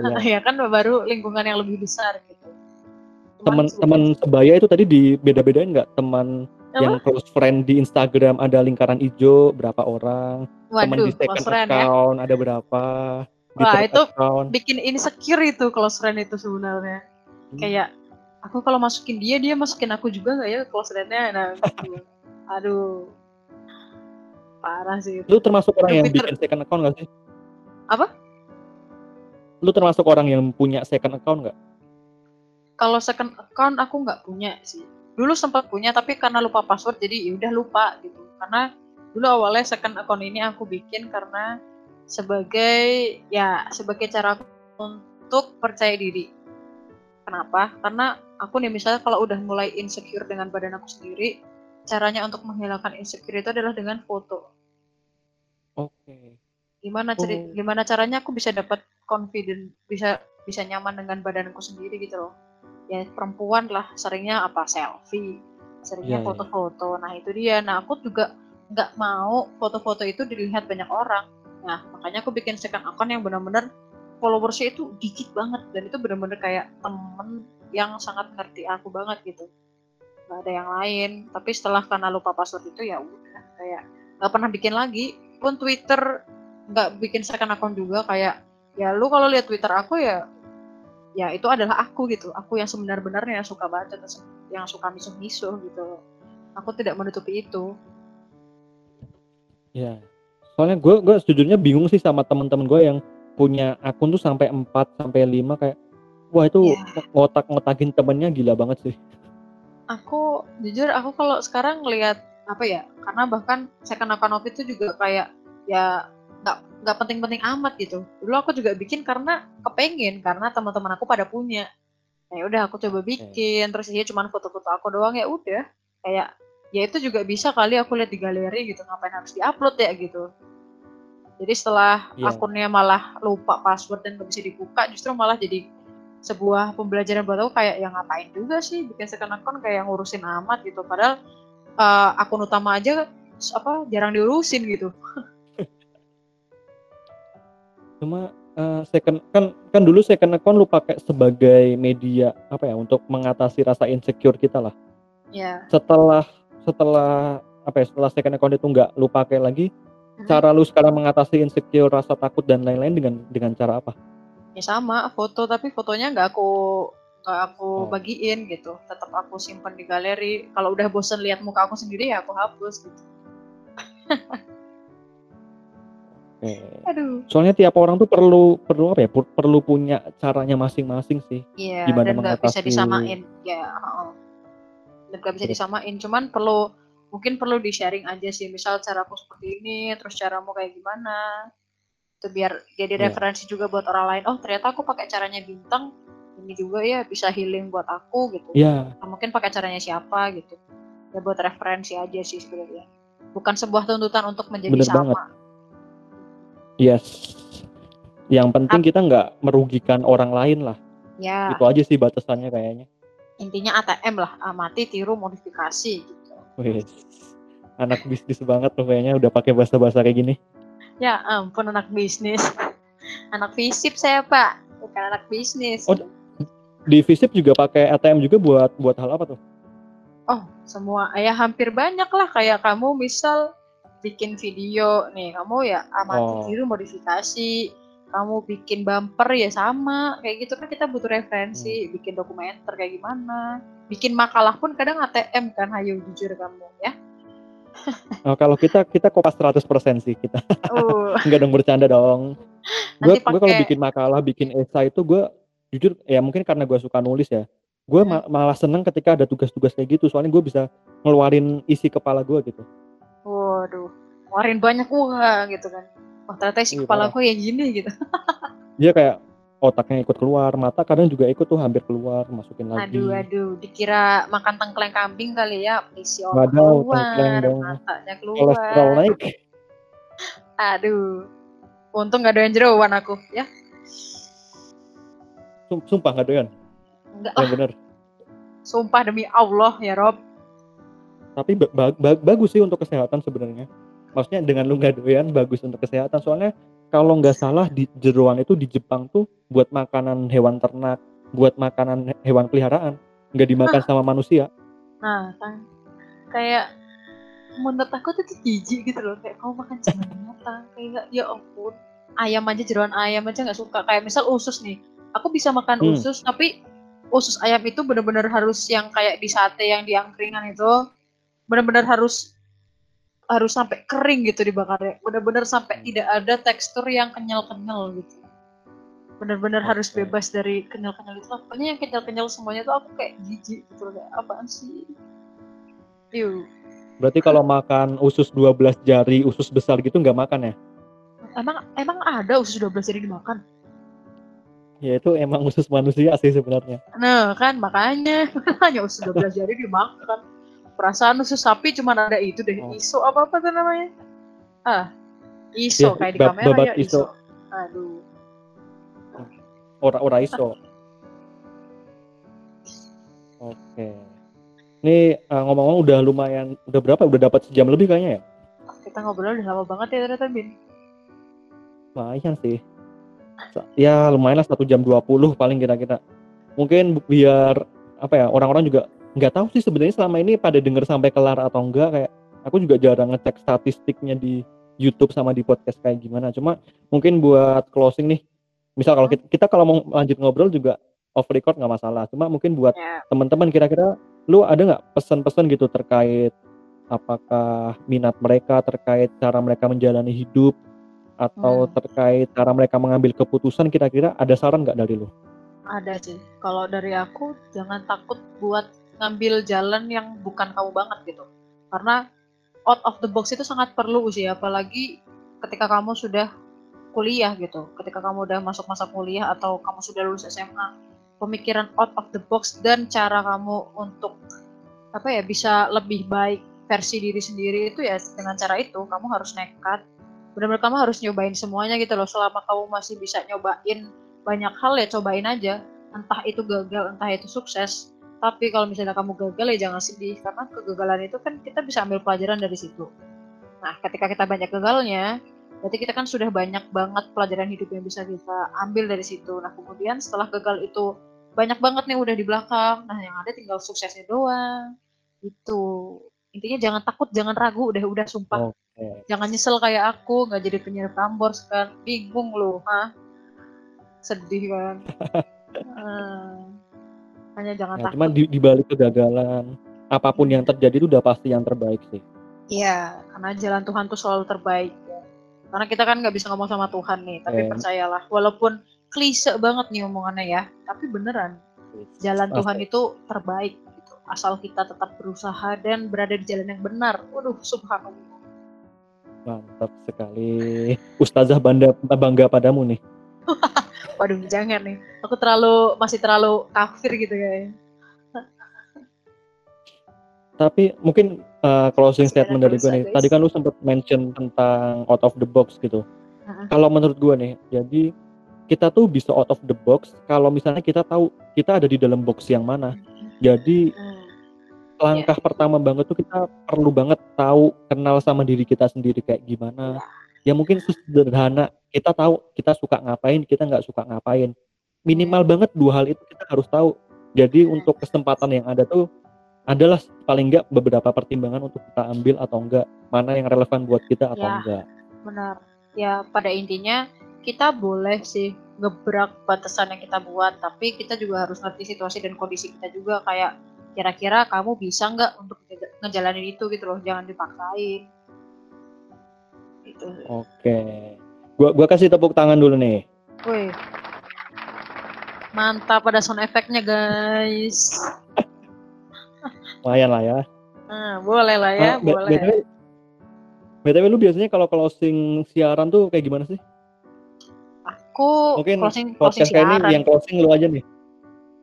Ada nggak? Kalau siaran ada siaran kan gitu karena aku pakai nama siar kan jadi kayak pakai Ardia Sita apa gitu. Nah biasa lah kayak penyiar radio yang lain gitu. Cuman kalau aku closing podcast biasanya kayak jangan lupa selalu utarakan udarakan gitu. Apa jangan lupa apa?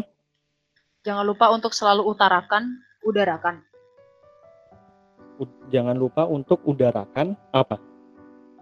Jangan lupa untuk selalu utarakan, koma, udarakan. Oh, oke. Utarakan pendapat, kemudian udarakan biar semua orang bisa dengar suara kamu. Oke, berarti kalau gitu eh, mungkin podcast ini gua close dengan satu kalimat aja ya. Ya, thank you buat semuanya yang udah dengerin. Jangan lupa suarakan isi hatimu di podcast ini suara kita. Oke, thank you. Sampai jumpa di episode selanjutnya.